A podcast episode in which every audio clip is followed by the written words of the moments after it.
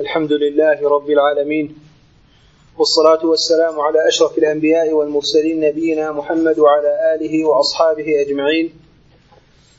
قال سفيان عليه رحمة الله قال الله تعالى وما تشاءون إلا أن يشاء الله وقالت الملائكة رب العالمين وصلى الله وسلم وبارك على نبينا محمد وعلى آله وأصحابه ومن تبعهم بإحسان إلى يوم الدين.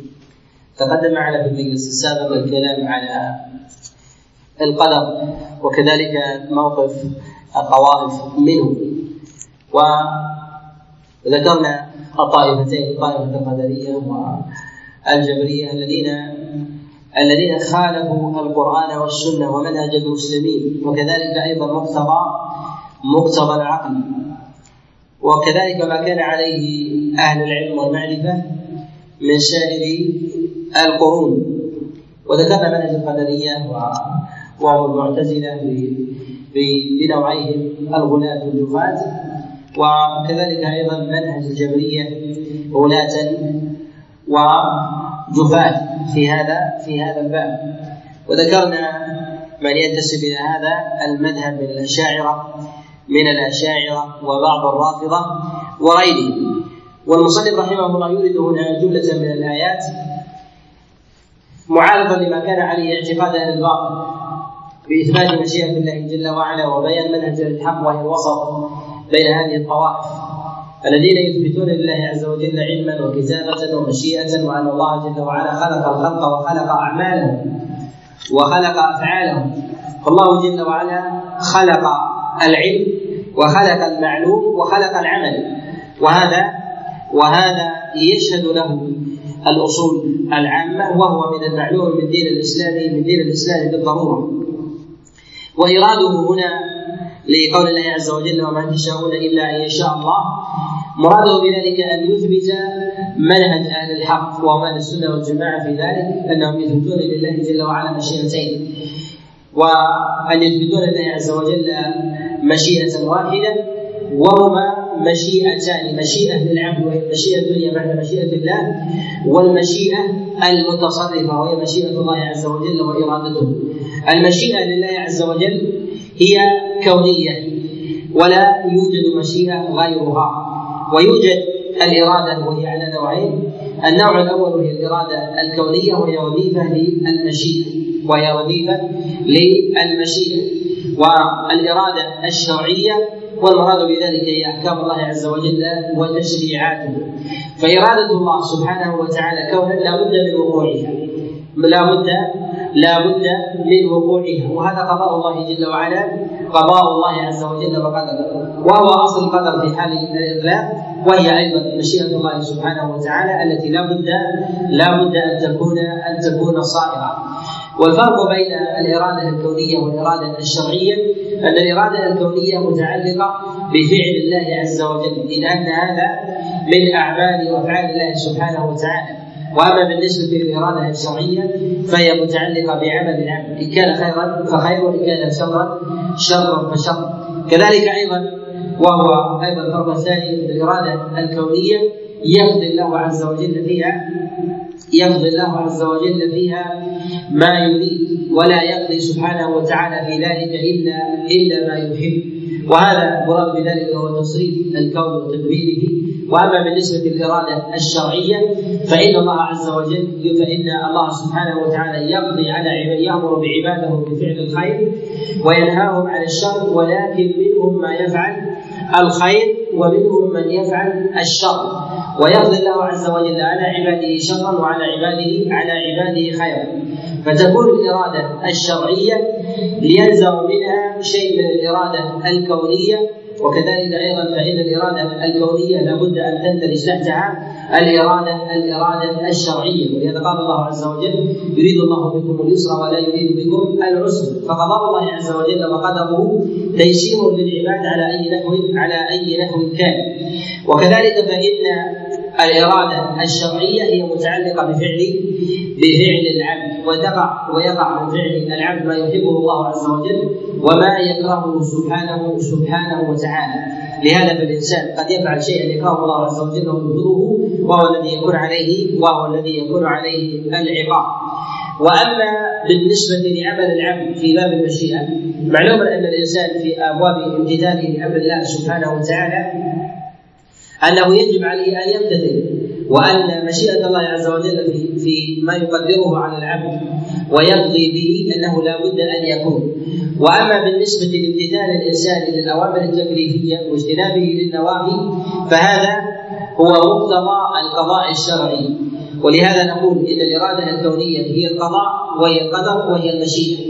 وأما بالنسبة للقضاء فهو أحد وجوه الإرادة الإرادة الشرعية. وبعضهم يجعل المشيئه مشيئة شرعية ومشيئة قدرية وهذا من الخطأ. بل يقال إن المشيئة لا تكون إلا إلا كونية وقدرية وهي التي يقضي الله عز وجل بها ولا بد أن تكون أن تكون صائمة. ولهذا قال الله سبحانه وتعالى وما تشاءون إلا أن يشاء الله. أي العبد يشيء الخير والشر واما الله جل وعلا فيشيء للعبد يشيء للعبد الشيء ولا بد أن يفعله سواء كان سواء كان خيرا أو كان أو كان شرا. بالنسبة لعمل الإنسان في ابواب في أبواب المشيئة نقول إن المشيئة محلها محلها العمل محلها العمل ومحلها الفعل. وأما بالنسبة للمشيئة بالنسبة للإرادة الكونية فهي متعلقة بفعل الله وأما بالنسبة للإرادة الشرعية فهي متعلقة بعمل العبد. ما هو موقف الإنسان من هاتين المشيئتين؟ من هاتين المشيئتين. تقدم معنا ما يتعلق بمسألة الاحتجاج على الاحتجاج بالقدر على المعاصي والذنوب التي وقعت من الإنسان وذكرنا أنه لا يجوز للإنسان أن يحتج على معصية على معصية فعلها بالقدر ويبقى على تلك المعصية. وإنما يجب عليه أن يبادر فاما درجتان احتج بعد ذلك بالقدر على ما مضى وأن الله عز وجل قضاه عليه وقدر وهذا يظهر في اختصام في اختصام آدم وموسى. لهذا قال رسول الله صلى الله عليه وسلم فحج آدم آدم موسى أي غلبه في أبواب المناظرة في ذلك أي أنه يجوز للإنسان أن يحتج بالقدر على المعصية بعد توبته منها. وأما في حال وأما في حال وقوعه على المعصية فهذا طريقة الجاهليين وسيدهم في ذلك إبليس. فإنه احتج على ربه بان بأن كتب عليه اللعنة. وطرده فاراد المضي في هذا في هذا الطريق. وتقدم الإشارة إلى هذا وهي طريقه وهي طريقة المشركين الذين قالوا لو شاء الرحمن ما ما عبدناه لأن الله عز وجل قضى علينا عبادة الأصنام والاوثان من دونه ولا يمكن أن ننصرف عن ذلك. وهذا قد تبعهم على ذلك. قد تبعهم على ذلك الذين يقولون أن الله عز وجل جبر العباد على عمل من الأعمال فلا بد أن يصيروا إليه. وهؤلاء الذين الذين سلكوا هذا المسلك من الجهمية وغيرهم الذين جعلوا العبد ان عبد صنما أو شجرا أو مثلا فإنه عبد لله سبحانه وتعالى. وتقدم الترتيب بقوله بقوله جل وعلا وقضى ربك ألا تعبدوا إلا إياه وبالوالدين إحسانا. وأن هذا وهذا من الضلال. وذلك أن القضاء هنا المراد بذلك الأمر كما جاء ذلك عن عبد الله بن عباس وعبد الله بن مسعود وغيرهم من المفسرين من الصحابة والتابعين. وأما بالنسبة لما يقضيه الله عز وجل في عبده فإن هذا القضاء يقال إنه لا يخلو من ثلاثة احوال أن يكون هذا القضاء قضاء فائزا أن يكون قضاء قضاء فائزا. فهذا القضاء الفائز فإنه يجب على الإنسان إذا قضى الله عز وجل عليه أمرا أيا كان إن كان خيرا أن يستمر عليه وإن كان شرا فعليه أن ينصرف على ذلك الشر. وإن كان من جملة المصائب أن يحمد الله عز وجل على تلك المصيبة وقضائه وقدره وأن يصبر ويحتسب ويرضى. وأما بالنسبة ما يستحضره الإنسان ويعتقد من ذلك يعتقد أن الله عز وجل قدر عليه ذلك العمل. وأما بالنسبة لتلفظه فإنه يجب عليه أن يقول قدر الله وما شاء فعل قدر الله وما شاء فعل. في الأمور الماضية. ودليل ذلك ما جاء في صحيح ومسلم من حديث أبي هريرة أن رسول الله صلى الله عليه وسلم قال المؤمن القوي خير وأحب إلى الله من المؤمن الضعيف. احرص على ما ينفعك ولا ولا تعجز. إن أصابك شيء فلا تقل لو أني فعلت كذا وكذا لكان كذا وكذا. ولكن قل قدر الله ما شاء فعل فإن لو تفتح عمل الشيطان. أي أنه ينبغي للإنسان إذا نزلت به مصيبة ومضت أو قدر الله عز وجل عليه أمرا سيئا قصرت عنه نعمته فينبغي له أن يقول قدر الله وما شاء وما شاء فعل. وهنا يخطئ البعض وهم أنهم يقولون على شيء مضى لا يمكن استدراكه انهم يقولون لا حول ولا قوة إلا بالله. وهذا من الخطأ وهذا من الخطأ. بل يقال إن قول لا حول ولا قوة إلا بالله هو من الأمور التي يريد الإنسان أن يباشرها ولم يعملها. أي أراد الإنسان أن يقوم بعمل من الأعمال كأن ينشئ بناء أو يذكر بئرا أو يذكر دارا أو يستعين على عمل فعليه أن يقول لا حول ولا قوة ولا قوة إلا بالله.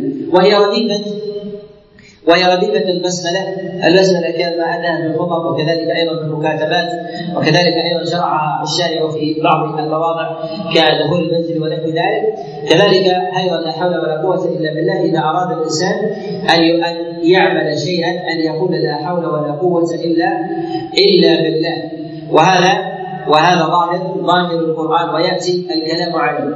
بالنسبة لقول الإنسان لو فيما فيما مضى لو أني فعلت كذا وكذا فإن هذا لا يجوز لشيء فات لا يمكن استدراكه إلا لشيء من الأمور الشرعية. أن يظهر الإنسان أنه سيفعل ذلك مستقبلا. والدليل على ذلك ما جاء في حديث جابر في صحيح ومسلم وغيره في في غير وغيره قول رسول الله صلى الله عليه وسلم. لو أني استقبلت من امري ما استدبرت ما سقت الهدي ولا جعلتها ولا جعلتها عمرة. أي اني أي أني لو أني استقبلت ما مضى ورجع بي الوقت لما سقت الهدي ولا جعلت هذه هذا الاحرام عمرة. نقول إن في مثل ذلك في حال استدراك الإنسان وتمنيه أنه فعل الخير أنه لا حرج عليه أن يقول لو أني فعلت كذا وكذا لماذا؟ العلة في ذلك امور منها عدم تفويت المقصد الشرعي من فعل أعمال البر، عدم تفويت المقصد الشرعي من أعمال البر، فإن الإنسان إذا فعل شيئا وهو قدوه يخالف الافضل يخالف الافضل ففعل المفروض وترك وترك الباطل. ويخشى أن الناس إذا رأوه تركوا المفضول إلى تركوا الفاضل إلى المفضول فينبغي له أن يبين له أنه لو استقبل من أمره ما استدبر انه أنه يفعل أن يفعل الفاضل ويترك المفضول كما فعل رسول الله صلى الله عليه وسلم في هذا. كذلك أيضا بيان الحكم بيان أو تبدي الحكم الشرعي تبدي تبدي عمل الخير. وذلك التبدي يؤجر عليه الإنسان. يؤجر عليه الإنسان. فيقول الإنسان ليتني أو لو أني سعيت أو حججت أو تصدقت أو فعلت أو نحو ذلك فإن هذا فإن هذا من امور من امور الخير. فهذا من وجوه التمني التي يؤجر عليها الإنسان. فإن الإنسان إذا تمنى إذا تمنى شيئا وهو صادق من قلبه فإن الله عز وجل يعطيه إياه. وهذا ما ينبغي للإنسان أن يتمنى عمل البر. وهذا له أثر في قلب الإنسان. فإن الإنسان إذا أكثر من تمني الخير تعلق قلبه به حتى لو تمكن منه لفعل حتى لو تمكن منه لفعل بخلاف لو يأتيه الخير فجأة فإنه ربما صرف أو تعلق قلبه قلبه بالدنيا وهذا في نوع من توطين القلب. وأما ما جاء في الخبر في قول رسول الله صلى الله عليه وسلم فإن لو تفتح عمل الشيطان المراد بذلك فيما ينزل على الإنسان من مصائب وليس ذلك في أمور الفاضل والمفروض أمور البر.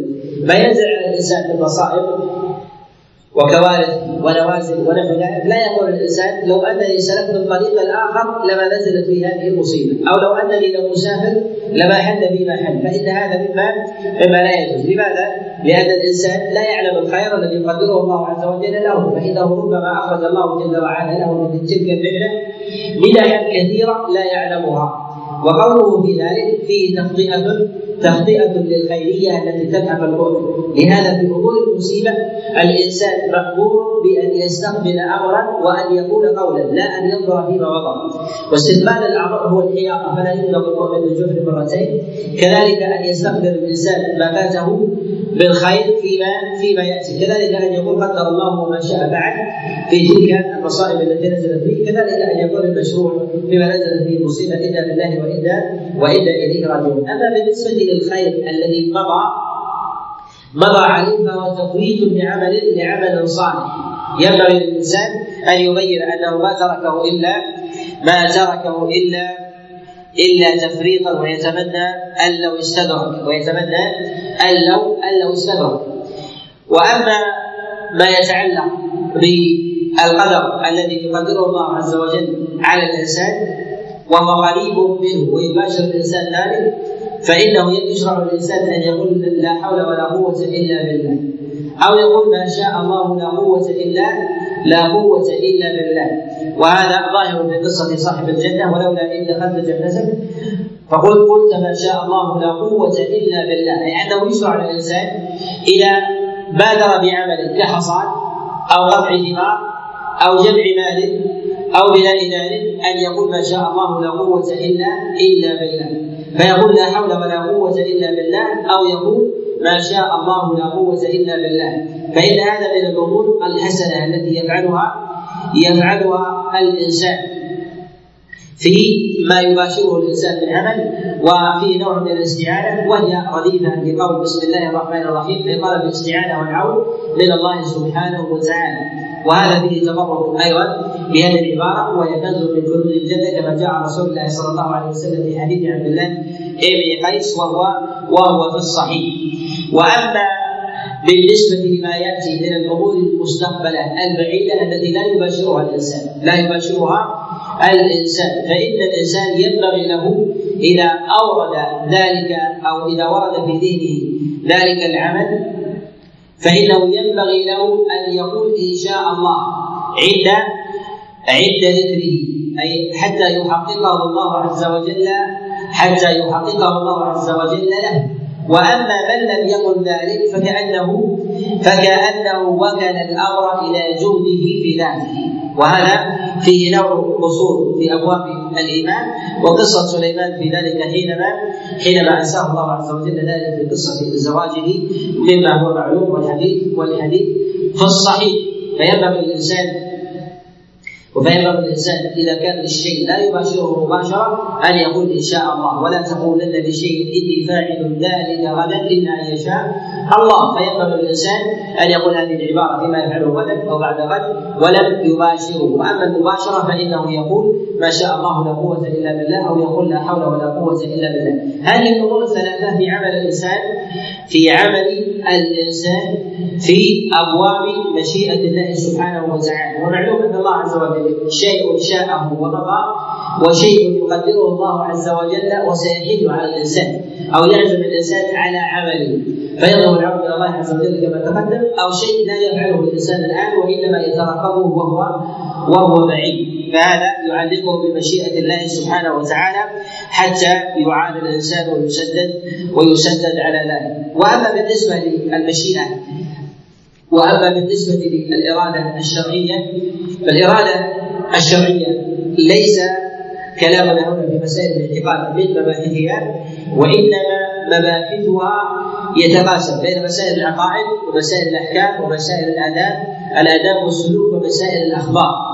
ما يتعلق باخبار الزمان اشراط الساعة وأحوال الامم الآتية ونحو ذلك فهي موزعة بين هذا وهذا وأما بالنسبة للإرادة الكونية فهي متعلقة في مسائل العقائد فهي متعلقة في مسائل العقائد والله سبحانه وتعالى أمر بالإيمان بالقدر وبقضائه سبحانه وتعالى وهذا الإيمان له أثر على الإنسان له أثر على الإنسان. من ذلك أن يعلم سعة قدرة الله عز وجل وسعة علمه سبحانه وتعالى فإن الإنسان إذا رأى هذه الحوادث الدقيقة التي تحدث تباعا أو تحدث متوازية مما لا يحصيه الإنسان عددا. فيعلم أن هذه الأمور بقدر الله عز وجل يغرس في نفس الإنسان الإيمان بعظمة الله عز وجل وقدرته وسعة علمه سبحانه وتعالى.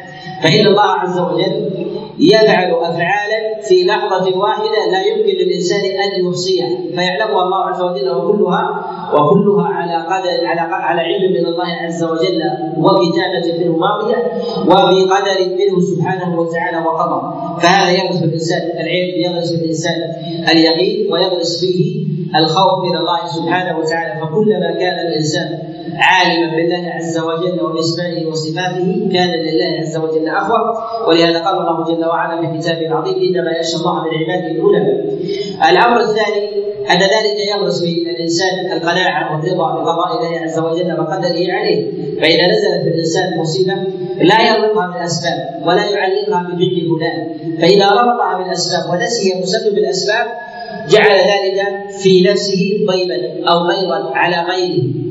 أو نحو ذلك أو حمل ذلك نفوس نفوس الناس أي أنه ربما اضمر له شرا وأما إذا كان ثمه إيمان فوق ذلك أن ثمه مشيئة متصرفه في, هذا الكون هي القاضية على مشيئه على مشيئة الناس. فإن ذلك يغلب في صاحب الإيمان أن يعلق ذلك الأمر بالله سبحانه وتعالى. وأما إذا كان لا يؤمن بالمشيئه من الذين يفكرون بالماديات فنزلت فيه مصيبة من ابنه أو زوجته ونحو ذلك. إذا كان ليس من أهل الإيمان بالقضاء والقدر ربما حمله ذلك على الانتقام أو ظن السوء بمن تصرف بذلك لماذا؟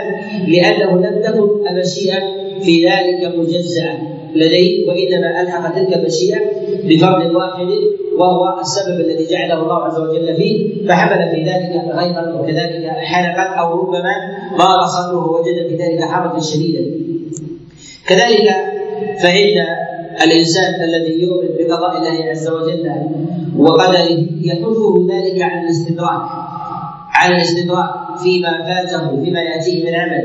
احتجاجا بما تقدم الكلام عليه في قصة آدم فإنه حينما قضى الله عز وجل عليه وقدر ما فعله في الجنة وزوجه فما فعله في الجنه وزوجه عليه السلام فإنه احتج بقضاء الله عز وجل عليه. من ذلك ثم تاب أو تاب واستقام ثم ثم احتج بقضاء الله عز وجل. ورزقه الله عز وجل من ذلك ثباتا وأما من نظر إلى مطلق قدرة الله عز وجل ومشيئته وجبره لعباده ولم ينظر إلى مشيئة الله عز وجل التي جعل منها الله سبحانه وتعالى لعبده تصرفا بعد مشيئته فإنه يحمله يحمله ذلك على الطغيان على الطغيان والضلال في ذلك كما حمل حمل إبليس نفسه على الاستمرار في معارضة أمر الله أمر الله سبحانه وتعالى.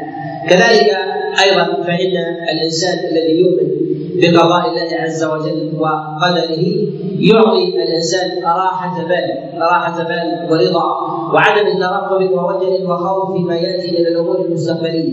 فإن الإنسان إذا كان إذا كان ممن لا يؤمن بمشيئة الله عز وجل وإرادته الكونية ويعلق ذلك بالأسباب يعطي ذلك قلقا واضطرابا في نفسه فيما يأتي من ترقب الحوادث. واما الإنسان إذا كان يعلق غالب ايمانه وقلبه بمشيئة الله عز وجل وإرادته الكونية فإنه يعطيه يعطيه تفاؤلا. وأما الذي يضر بالأسباب فإنه ليس من أهل التفاؤل. ولهذا يوجد قتل النفس وكذلك أيضا قطع الاضرار وكذلك ربما أذية النفس والاكتئاب وربما الوسوسة وفقد العقل عند أهل الماديات الذين لا يؤمنون بقضاء الله عز وجل وقدره. وقد ذكر بعض أهل العقل من الملاحده من الملاحدة الشيوعيين قرأت له كلاما حينما حينما ذكر اورد إيمان المسلمين بقضاء الله عز وجل وقدره قال اني إني أعجب من هذا الأمر من هذا الإيمان.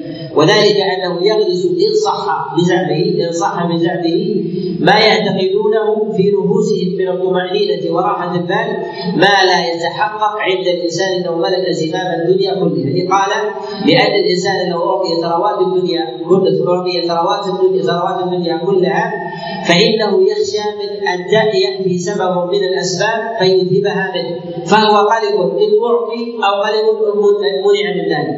وأما بالنسبة الذي يؤمن بقضاء الله عز وجل وقدره فهو على راحة بال إن أعطي أو حرم أو حرم من ذلك. قال وهذه الراحة تصاحب الإنسان في كل حال سواء كان محروما سواء كان معطى أو ممنوعا. وهذا وهذا لا يكون إلا في حق أهل الإيمان بقضاء الله عز وجل عز وجل وقدره. نعم. أحسن الله إليك. قال رحمه الله تعالى قال تعالى قالت الملائكة سبحانك لا علم يقول هنا وقالت الملائكة الملائكة تقدم الكلام عليها. وأنه من عباد الله عز وجل خلقهم من نور كما جاء رسول الله صلى الله عليه وسلم في الصحيح. أن الله عز وجل خلق الملائكة الملائكة من نور وخلق الشيطان من نار وخلق آدم مما مما تعلمون. الله سبحانه وتعالى خلق الملائكة من نور وجعلهم وجعلهم عبادا مجبولين على طاعته يفعلون ما يؤمرون يؤمرون به. وأما عبده فلا عد لهم ولا حصر. وقد جاء رسول الله صلى الله عليه وسلم ببيان شيء يهيئ الألباب من جهه العدل كما جاء في مسند الإمام أحمد حديث مورق عن أبي ذر أن رسول الله صلى الله عليه وسلم قال اطت السماء وحق لها أن تعم ما هي موضع أربع اصابع الا وفيها ملك ساجد أو راكب؟ وقال عليه الصلاة والسلام لو تعلمون ما أعلم لرحمتم قليلا ولبقيتم كثيرا ولما تلذذتم بالنساء على الفرش ولا خرجتم من الصعودات تجارون إلى الله. في هذا إشارة إلى إلى سعه جند الله عز وجل الذين لا يعلمه إلا هو سبحانه وتعالى ومن جنده ومن جنده الملائكة ومنهم من لا يحصيهم إلا الله سبحانه وتعالى جند يعلم جندا وجند لا يعلمه إلا الله. وهذا لسعه مخلوقه لسعه مخلوق مخلوقاته جل وعلا. والملائكه من أشرف المخلوقات ويظهر شرفهم أن الله عز وجل جعلهم مجبولين على عبادته. فلا تقع منهم مخالفة ومعصية. وهذا من أمارات النبل. فإن النبل يعرف في الفاعل في الفاعل بفعله. فإذا كان لا يفعل إلا خيرا فإن هذا دليل على فإن هذا علامة على على نبله وفضله وتميزه على غيره. واختلفوا عند العلماء في التفاضل بين صالح المؤمنين من بني آدم وبين الملائكة معلوم. وهذا من المسائل الخلافية عند عند أهل السنة. وعامة العلماء يفضلون الأنبياء على الملائكة. وأما بالنسبة لصالح بني آدم فهذا الخلاف في ذلك الخلاف في ذلك عليه. وهؤلاء الملائكة على مراتب جهة خلق الله عز وجل لهم وكذلك ما ينقلون إليه منهم من ذكره الله عز وجل في القرآن. كجبريل وإسرافيل وميكائيل ومنهم من لم يقصه الله عز وجل ومنهم من ذكر الله عز وجل مهمته في القرآن ولم ولم يذكر ولم يذكر اسمه. ومنهم من ذكر الله عز وجل حاله ووصفه وما ذكر الله سبحانه وتعالى وما ذكر الله سبحانه وتعالى عمله. كالملائكة الذين يجعل الله عز وجل لهم اجنحه مثنى مثنى وثلاث ورباع فهذا من خلق الله سبحانه وتعالى الذي يزيد فيها يزيد بالخلق ما يشاء. فذكر الله عز وجل وصفا وما ذكر الله عز وجل في ذلك مهمة منهم من وكله الله عز وجل بالوحي كجبريل عليه السلام ومنهم من وكله الله عز وجل بنفس السوق كاسرافيل ومنهم من وكله الله عز وجل بالجنة ومنهم من وكله الله عز وجل بالنار ومنهم ملائكة السحاب ومنهم ملائكة الكتابه عن يمين الإنسان وشماله رقيب وعتيد ومنهم ملائكه ملائكة السؤال في قبر الإنسان وهو منكر ونكير وقد جاء بذلك خبر معلوم وهو في مسند وهو مسند الإمام أحمد وسنن الترمذي وقد عله غير واحد. وقال بثبوت ذلك غير واحد من الأئمة كالامام احمد رحمه الله كما نقله عنه القاضي بن أبي يعلى في كتابه الطبقات. وأما الملكين في السؤال فالخبر في ذلك ثابت وهو وهو في الصحيح. و معانيه في القرآن. وأما بالنسبة لاسم الملكين منكر ونكير فإن في ذلك الخبر الخبر فيه فيه ضعف. وقد جاء من طرق متعددة قواها بعض الأئمة. والملائكة بالنسبة لحق الواجب على الإنسان آه، تجاهه هو أن يعلم الإنسان أن هؤلاء الملائكة عباد لله عز وجل وأن الله سبحانه وتعالى غني عن عباده كلهم سواء كانوا الملائكة سواء كانوا من الملائكة أو أو من غيره وأن الملائكة ليسوا بنات لله جل وعلا كما يزعم أهل الجاهلية. وأنهم عباد لله يفعلون ما يؤمرون. وأن منهم من سمى الله عز وجل بكتابه ومنهم من؟ من وكله الله عز وجل بالوحي وهو جبريل. وهو أوجب ما يؤمن به ما يؤمن به العباد. أن يؤمنوا أن القرآن الذي نزل الله أنزل الله عز أنزله الله عز وجل على نبيه كان بواسطة بواسطة جبريل. فالنبي عليه الصلاة والسلام أخذ الوحي من جبريل وجبريل أخذه أخذه من الله. وهذا سماعا. وهذا عقيدة أهل السنة والجماعة. وذهب بعض الطوائف الذين يقولون إن الله عز وجل إن الله عز وجل لم يتكلم. تعالى الله عز وجل عن ذلك علوا كبيرا. قالوا إن إن جبريل أخذ كلام الله من اللوح المحفوظ. وربما يعبرون بذلك أن الله عز وجل خلق كلامه في في جبريل. وأوجده وأوجده فيه ثم نقله جبريل إلى رسول الله صلى الله عليه وسلم. وهذا من الأقوال الخاطئة. ويقول بها ويقول بها بعض المتفقهة من الأشاعرة من المتأخرين. يقولون أن الله عز وجل أوجد ذلك علما في نفس جبريل كالسيوطي رحمه الله. وفي قوله هنا سبحانك لا علم لنا إلا ما علمتنا إشارة إلى أن الملائكة مع قربهم من ربهم سبحانه وتعالى ومع كونهم أيضا من عمال السماوات وفي عدد لا يحصيه إلا الله عز وجل إلا أنهم لا يملكون من العلم إلا إلا ما يعلمهم الله عز وجل فلا يحيط أحد من من مخلوقات الله عز وجل بشيء من علمه إلا إلا بإذنه سبحانه سبحانه وتعالى. وإذا كان هذا في أمر الملائكة في أمر الملائكة فإنه لمن كان أبعد منهم منزلة من باب أولى. ممن يدعي علم الغيب من الكهنة والسحرة والعرافين والمنجمين وغير ذلك ممن يدعون علم الغيب ممن ينظرون مثلا في الأبراج من الماديين ونحو ذلك الذين يربطون علم الغيب ببعض المعادلات الكونية من مسيرة الافلاك ونحو ذلك ويدعون علما ولو كانوا ممن لا يؤمنون بالله عز وجل بعلم الله سبحانه وتعالى وتقديره. وهنا في رفض الملائكة علمه بعلم الله سبحانه وتعالى إشارة إلى أن العلم الذي أوجده الله عز وجل في الناس هو مخلوق وهذا العلم الذي جعله الله عز وجل لسائر المعلومات في الناس في عمل الكون كذلك امور امور الأسماء أسماء الأشياء التي علم الله عز وجل الملائكة إياها. هذه من مخلوقات الله سبحانه وتعالى. ومن أعظم توفيق الله عز وجل للإنسان أن يسلك مسلك الملائكة في نسبة العلم نسبة العلم إلى خالقه. وأما من نسب العلم إليه فهذا يكله الله عز وجل إليه. فكم من الناس أتاه الله عز وجل علما فنسب العلم إليه ولم يعلمه بخالقه وموجوده جل وعلا فوكله الله عز وجل إليه فلم ينتفع بعلمه ذلك شيئا. وربما ضاق بذلك صدره.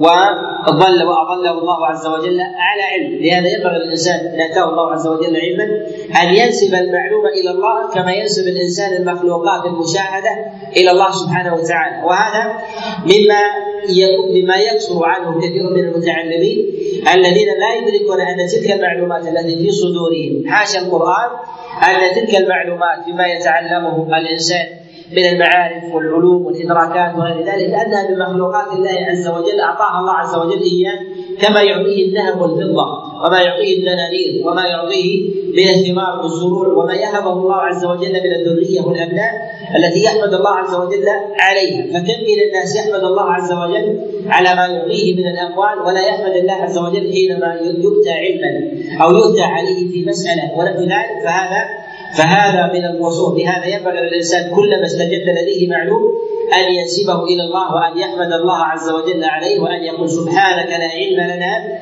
إلا ما علمتنا. أي أن ذلك من هبة الله عز وجل لعباده.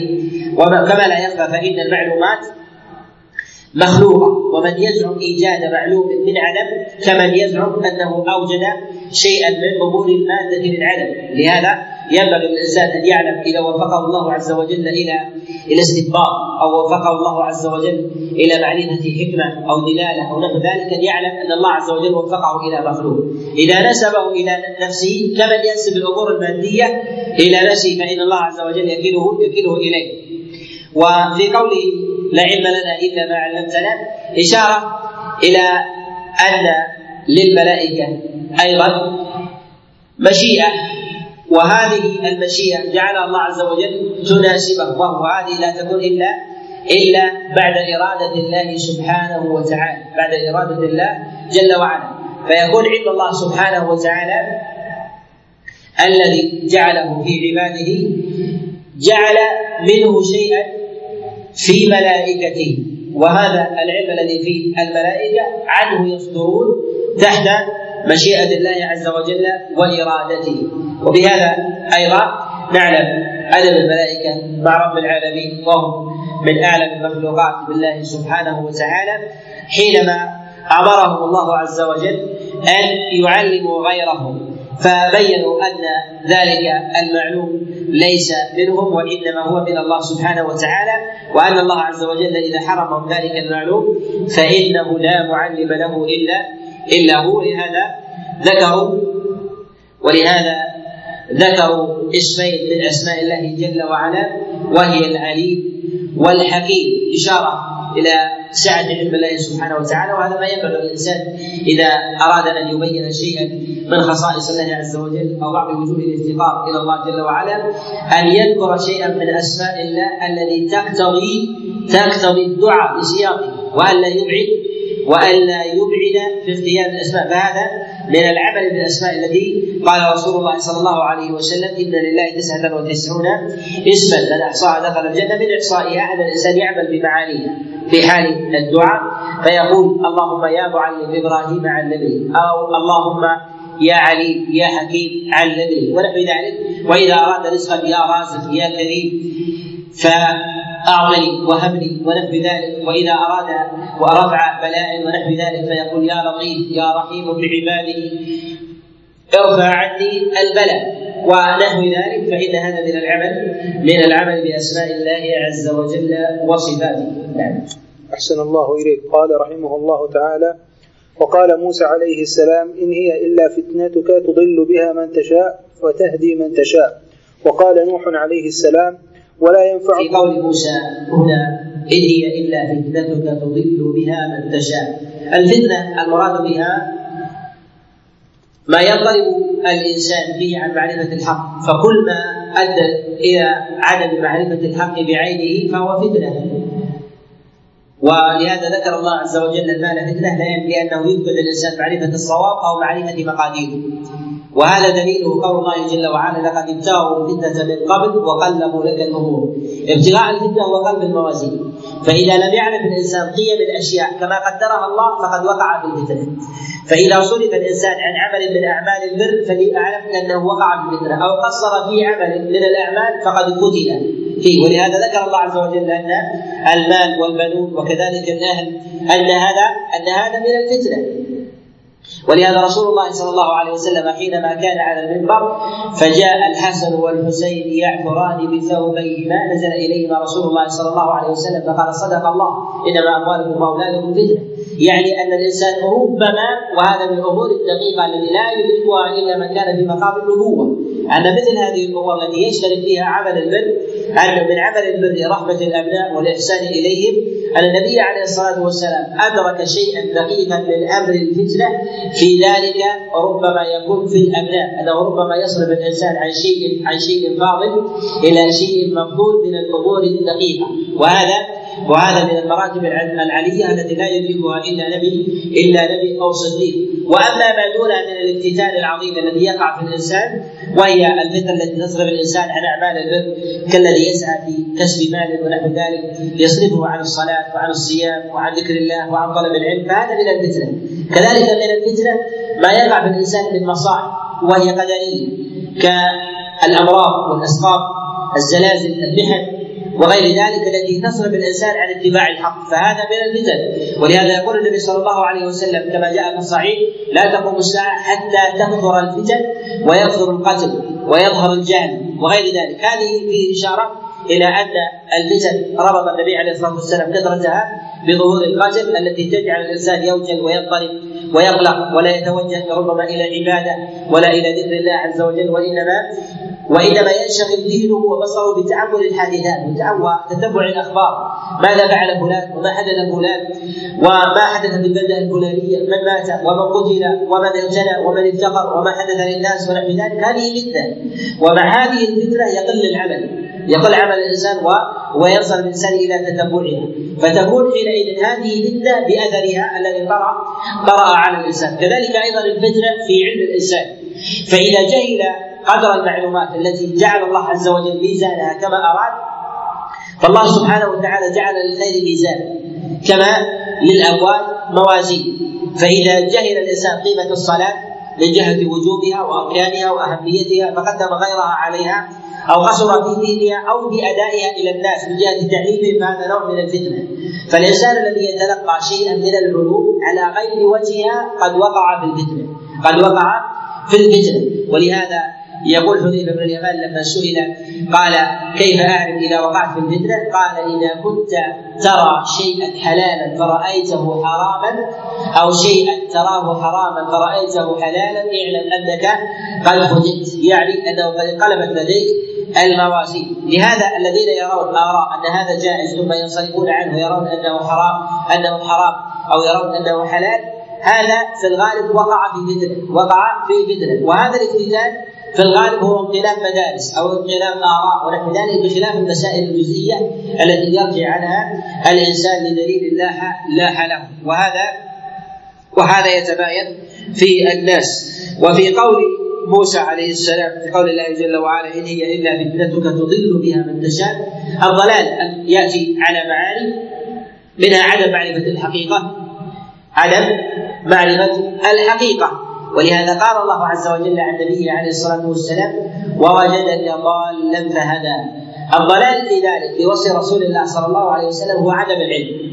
أي أن النبي عليه الصلاة والسلام قبل نزول الوحي عليه عليه الصلاة والسلام لم يكن عالما بما أراد الله عز وجل إنزاله عليه من أحكام الشريعة من العبادات ونحو ذلك. فهذا فهذا سماه الله عز وجل سماه الله عز وجل ضلال وهو عدم العلم لهذا الجاهل الذي لم يعلم شيئا ضالا كالذي يضل الطريق وهذا ربما يكون بإرادته وربما لا يكون بإرادته.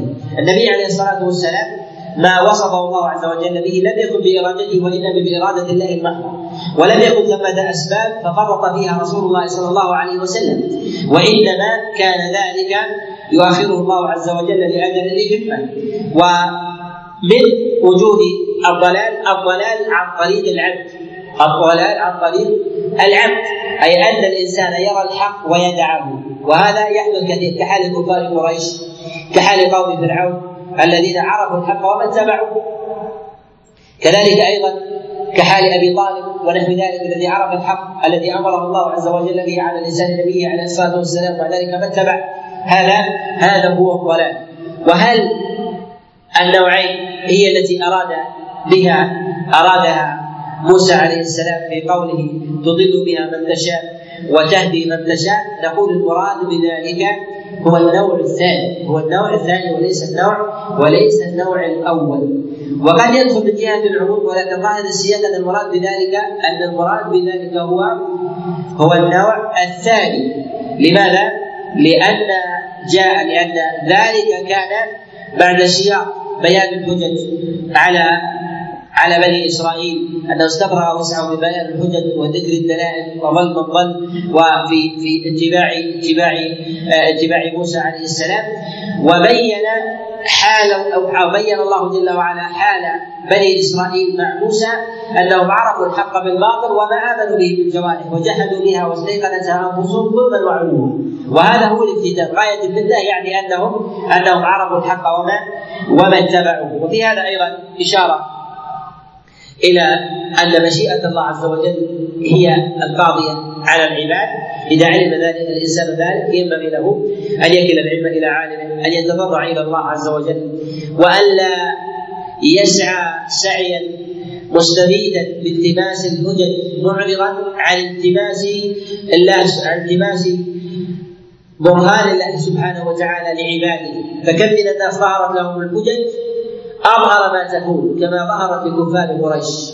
نحن في زماننا آمنا على حجج دون ما كان ظهر في كفار قريش لأن القرآن نزل على لسانه. فصار نحن نتلقى القرآن الآن كما نتلقاه العجم. وإن كنا عرب وإن كنا عرب ومن سلالة عربية لكن دخلت العلمة على الناس. ولم ندرك ما يدركه كفار قريش. فيعرفون الألفاظ ويعرفون السياقات ويعرفون الدلالات. كذلك أيضا المعاني التي أرادها الله عز وجل حاضره شاهدا شاهدا أمامه. ومع ذلك أعرضوا أعرضوا عن الإيمان بما أراده الله سبحانه وتعالى. لهذا ينبغي للإنسان أن وفقه الله عز وجل إلى شيء من الإيمان. أن يجد هذا التوفيق إلى الله كما تقدم في أمر الملائكة؟ وإن حرمه الله عز وجل شيئا من استبانة بعض الطرق وبعض وجوه الهداية والراجح المرجوح في بعض المسائل عليه أن يلتمس ذلك من الله سبحانه وتعالى. ولهذا رسول الله صلى الله عليه وسلم كان كما جاء في الصحيح من حديث أبي سلمة عن عائشة عليه رضي الله تعالى أن رسول الله صلى الله عليه وسلم يقول في صلاة الليل. اللهم رب جبرائيل وميكائيل وإسرافيل. اللهم فاطر السماوات والأرض. أنت تقضي بين عبادك فيما كانوا فيه يختلفون. اهدني لما اختلف فيه. من الحق بإذنك إنك تهدي من تشاء إلى صراط مستقيم. لهذا ينبغي الانسان أن يعلم قدرة الله سبحانه وتعالى في وهب العلم ووهب الخير. وكذلك إعطاء الشر لبعض عباده حرمانا أو اضلالا أو اغواء وأن يستعيذ بالله عز وجل من هذا السبيل. نعم. أحسن الله إليك. قال نوح عليه السلام: ولا ينفعكم نصحي إن أردت أن أنصح لكم إن كان الله والهداية هنا في قول الله عز وجل وتهدي من تشاء الهداية على نوعين هداية دلالة وإرشاد وهداية توفيق هداية التوفيق هي ما يقدر الله عز وجل على عبده الهداية وهي التي أرادها الله سبحانه وتعالى في قوله جل وعلا إنك لا تهدي من أحببت. فهذه الهداية التي منعها الله عز وجل من أبي طالب هي ما قدره الله عز وجل عليه أن يموت على الكفر فلم يهدي الله سبحانه وتعالى. وأما الهداية من بيان الطريق طريق الحق بيان الصراط المستقيم بيان طريق الخير من الشر. فهذا كل ما جاء به رسول الله صلى الله عليه وسلم من الوحي. كل ما نطق به القرآن وما جاءت به السنة فهو هداية الدلالة والإرشاد. فكل أمر وكل نهي فهذا من من السبيل الوضوح الذي أمر الله سبحانه وتعالى باتباعه. نعم. وقال نوح عليه السلام ولا ينفعكم نصحي إن أردت أن أنصح لكم إن كان الله يريد أن يغويكم. هو ربكم وإليه ترجعون. وقال شعيب عليه السلام وما يكون لنا أن نعود فيها إلا أن يشاء الله رب. في قول نوح عليه السلام هنا ولا ينفعكم نصحي إن أردت أن أنصح لكم. النصح المراد به خلوص الصدق في القول. ولهذا يتمحض الإنسان النصيحة إذا كانت خالصة من قلب من قلب يحب الموافقة ويكره المخالفة ويحب الخير ودفع الشر. وهذا لا يكون إلا من الكمل لا يكون إلا إلا من الكمل. فالنصيحة متعدية. من الإنسان إلى غيره. وأما بالنسبة لعمل الإنسان فهو لازم لازم له لهذا لا يوفق الله عز وجل الإنسان إلا النصيحة إلا وقد أراد الله عز وجل أراد الله عز وجل به به خيرا. وذكر النفع هنا إشارة إلى أن الإنسان لا يملك لنفسه نفعا ولا ضرا وأن هذا وأن هذا لله. وأن إرادة إرادة نوح عليه السلام الخير لهم لا يعني أن ذلك يقضي بالخير لهم حتما. ولهذا نقول إن للعبد مشيئة وله إرادة.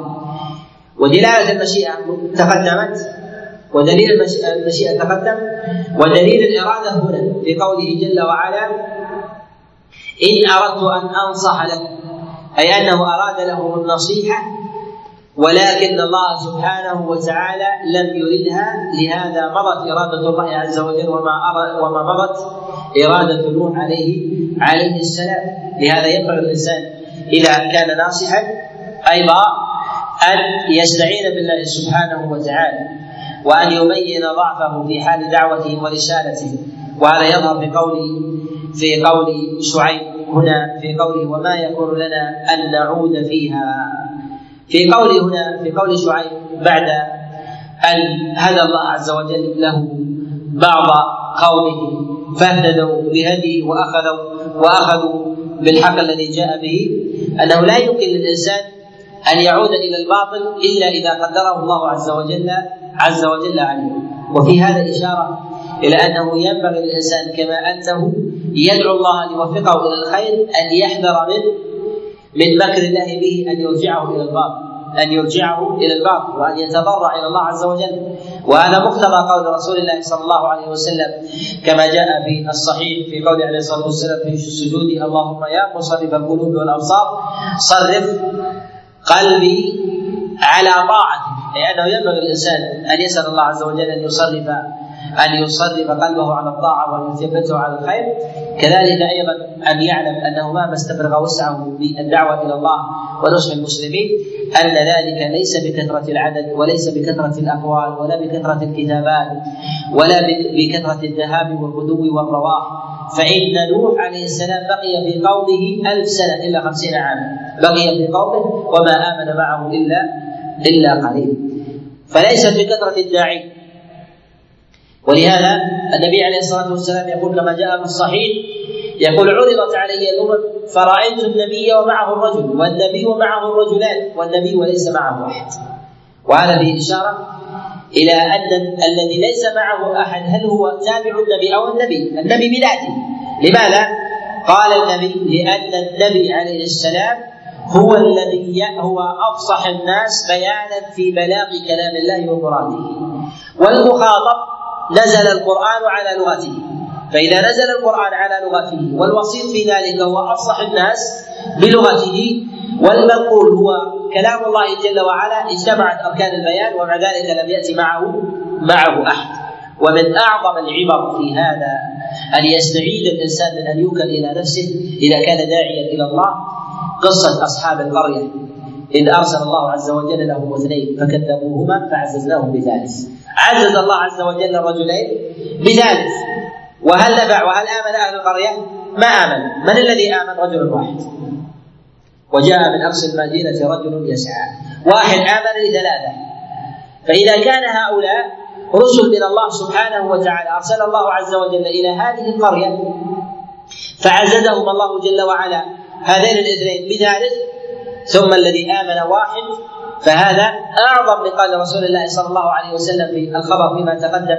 ورأيت النبي وليس وليس معه أحد. يعني الأول ليس معه أحد والثاني ليس معه أحد وإنما جاء بثلاثة معتضدين واحد آمن بقوله. لهذا ينبغي الإنسان إذا كان داعيا إلى الله عز وجل أن يعتمد على الله سبحانه وتعالى في في الإتيان بالصواب كذلك أيضا أن يسأل الله عز وجل أن يهديه هو إلى الصواب إذا كان طالبا للحق حتى يوفق ومن اتكل على نفسه وكله الله عز وجل إليها وكله, وكله إلى بيانه وإلى حجته وإلى فهمه وإرادته وعبقريته وذكائه. فلم يؤمن له أحد فما من أحد أفصح حجة وأقوى بيان من أنبياء الله عز وجل هؤلاء. وأما بالنسبة لعدم إيمان قومهم فليس ضعفا في المعلم والداعي وهو النبي وليس ضعفا في الدليل فهو وحي من الله جل وعلا. وإنما هو يظهر إرادة الله سبحانه وتعالى في عدم إجابة في عدم إجابة أولئك المدعوين لتلك الدعوة. لهذا ينبغي أن نعلم أن الله سبحانه وتعالى يهب العباد الاستجابة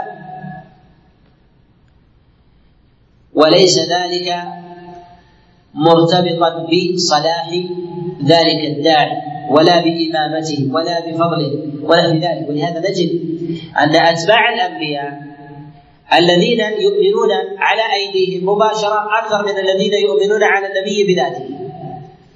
على النبي بذاته.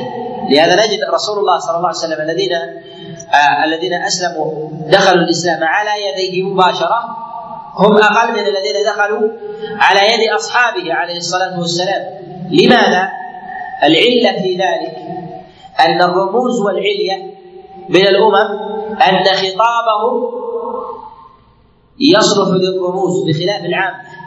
ولهذا تجد بعض الدعاة إلى الله عز وجل الذين يدعون في الأقوام في الأقوام المغتنمين ونحو ذلك الذين ليسوا على الإسلام. وقد ذكر لي أحد الدعاة أنه دعا سنين طويلة ولم يسلم على يديه أحد. يقول وأما الذين يرافقونه من العامة يسلم على يديهم الكريم. وهذا لم يفوت الله عز وجل الفضل للرموز وإنما جعل الله عز وجل ذلك لماذا؟ أنه من سن في الإسلام سنة حسنة فله أجرها وأجر من عمل بها إلى قيام السنة، لهذا كل من دخل في الإسلام مرده إلى محمد عليه الصلاة والسلام، أجرا وثوابا. وإذا كان الداعي إلى الله ينشر الناس فهؤلاء الناس من يسلم على يديهم امتداد له. ولو كان باقي، لماذا؟ لأن خطابه لا يصلح للعامه، لا يصلح.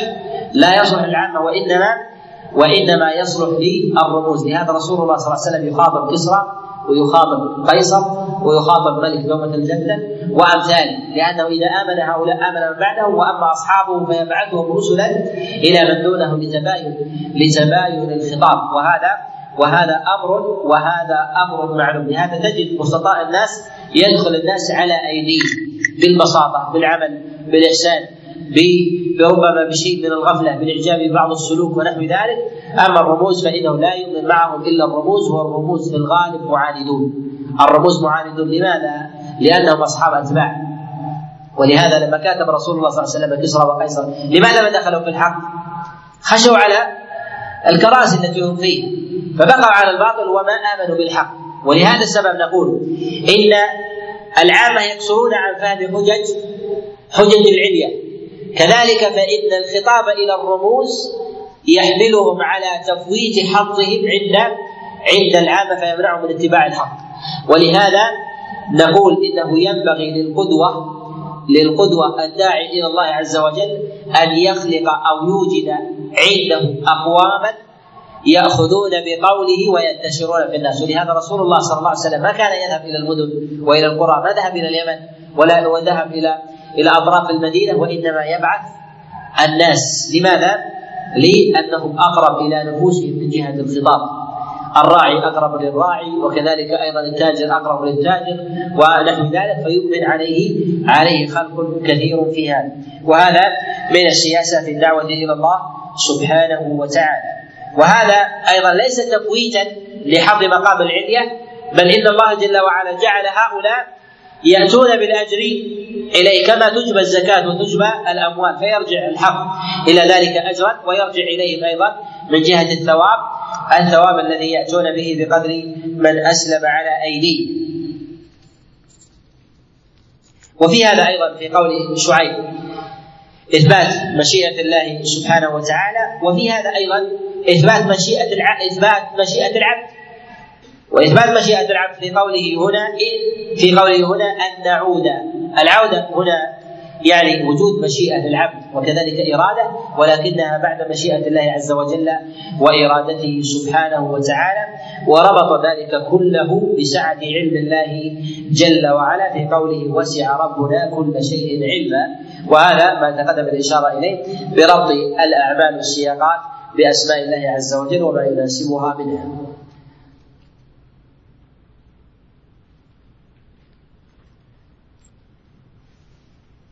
نقف عند هذا القدر. كان فيه سؤال. لا لا